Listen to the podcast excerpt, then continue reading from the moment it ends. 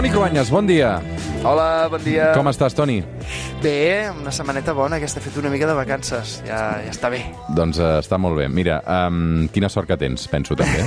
Ho sento que per tu, ja descansar. tocaré, tu que tocaré. pogut... Avui a pencar. Mira, avui recordarem 20 anys fa d'aquest moment. Perquè en aquest moment poca terra, en aquest moment ha caigut. Ho podeu veure a imatges. La gent aplaudint, la gent xiulant i la gent amb les mans al cap, perquè sens dubte molts es queden fins i tot sorpresos. És la transmissió en directe que el company de TV3, Esteve Soler, va fer de l'arribada de les tropes nord-americanes a la capital de l'Iraq, a Bagdad. 20 anys, tu.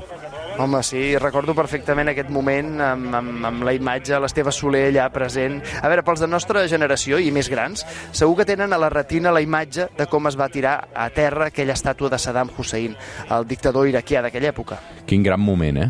Sí, era ben bé la sensació d'estar vivint la història en directe. Sí, um, em fa 20 anys ja de tot això, ara ho comentàvem. Uh, podem recordar-ho, és que jo tinc, tinc la imatge de, de, de veure-ho en directe a través... L'estic comptant, tenia 15 anys, no? Uh, 14, 14 anys. De tot això, de la guerra de l'Iraq, clar, tot això ara ja ens ho mirem amb aquesta perspectiva històrica una mica, no? És una història molt contemporània, però història.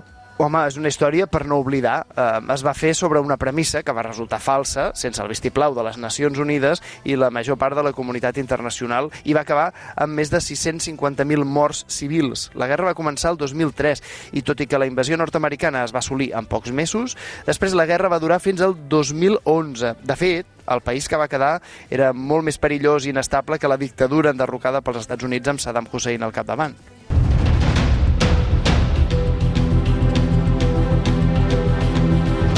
Per què als Estats Units, Toni, va començar aquella guerra? Expliquem-ho.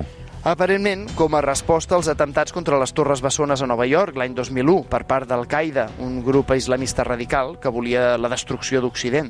Els atemptats de l'11 de setembre de 2001, amb els avions xocant contra les dues torres a Nova York i també al Pentàgon, a l'estat de Virgínia, allà hi van morir 2.990 persones. Perdona, eh, hi ha una notícia ara que crec que ha de ser destacada per l'audiència. Segons eh, estem veient també per les imatges que arriben des de les diverses cadenes de televisió que estan transmetent aquest, eh, sembla que atemptat múltiple, hi ha hagut l'ensorrament d'una de les dues torres bessones del World Trade Center.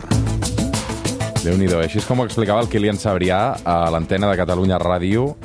En aquest cas crec que era acompanyat del Gaspar Hernández a un impacte emociona- emocional que vam narrar en directe també mm, des de, des de tot el món, Toni. Sí, semblava una pel·lícula de ciència-ficció.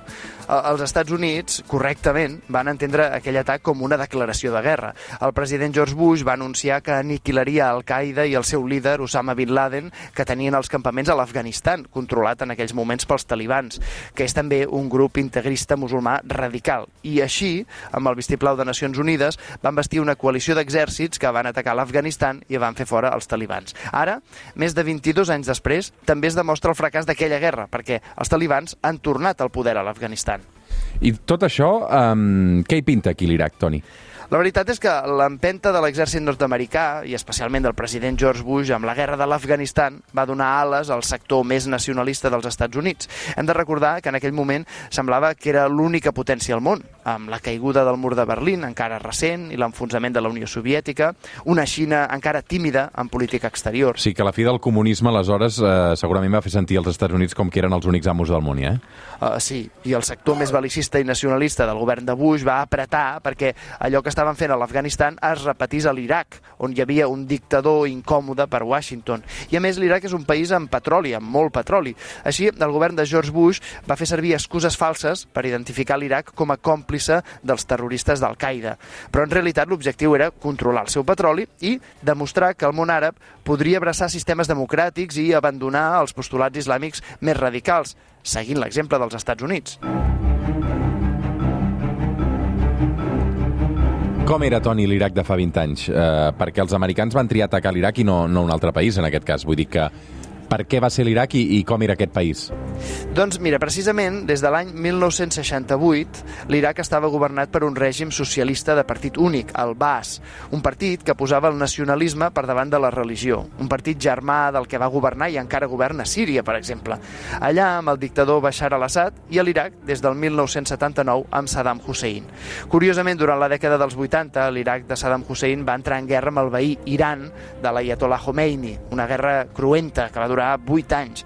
L'integrisme xiita de l'Iran feia que Saddam Hussein semblés més prooccidental, més tolerant, i d'aquesta manera va aconseguir el suport dels Estats Units. Ironies de la història. Iraq va guanyar aquella guerra i potser per això, perquè creia que tenia el suport de Washington l'any 1990, quan la situació econòmica del país era molt dura i volia augmentar el preu del petroli, però les organitzacions internacionals no li permetien, va decidir envair Kuwait, el golf Pèrsic, reclamant antics drets sobre aquest territori, que també és gran exportador de petroli. Hola, bona nit.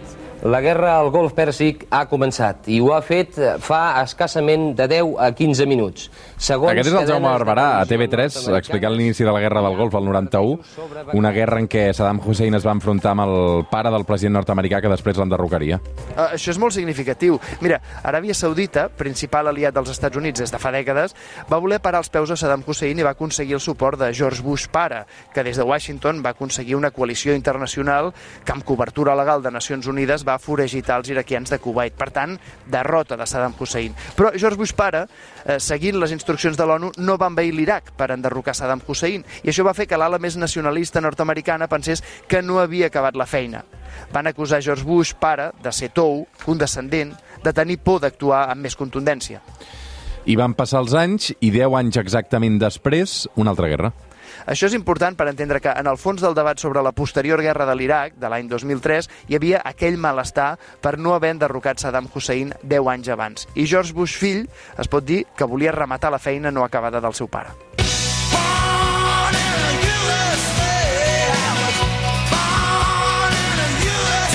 Fins les 9 del matí amb un clàssic del Bruce Springsteen, un clàssic antiguerra, eh? Home, val la pena recordar la guerra de l'Iraq i aprendre dels errors del passat. I què millor que fer un Bruce Springsteen. Una abraçada, Toni. Bona Pasqua. Bon diumenge.